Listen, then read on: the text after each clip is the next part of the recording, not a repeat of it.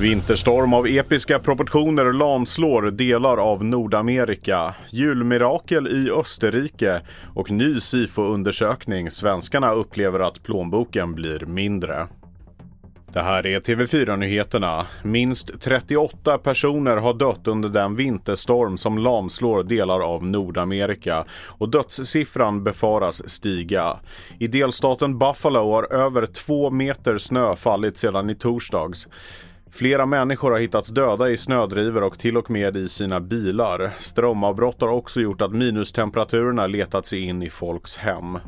Nordkoreanska drönare har under morgonen kränkt luftrummet över den sydkoreanska huvudstaden Seoul som har svarat med att avfyra varningsskott, rapporterar Reuters.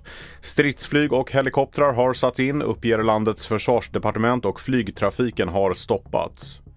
Mer om det här på tv4.se. Allt fler svenskar tycker att sin ekonomi har försämrats. Det visar en ny SIFO-undersökning som TV4-nyheterna låtit göra. Vi hör Peter Sandberg, Sverigechef för Pantbanken Sverige. Vi möter kunder med vardagliga pengaproblem som behöver lösas. Eh, det är inte alltid så dramatiskt men det, det har blivit dyrare där ute.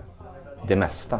Eh, det pratas så mycket om elräkningar och, och liknande och det, visst, det ser vi men det är en allmän ökning av priserna i samhället och det, det slår.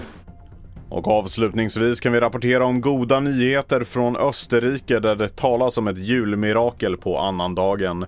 Efter en stor lavin i skidorten Lexyrs befarade man inledningsvis att tio personer saknades. Men samtliga har nu hört sig av till myndigheterna enligt österrikiska medier. Mitt namn är Felix Bovendal och mer nyheter hittar du på tv4.se och i appen.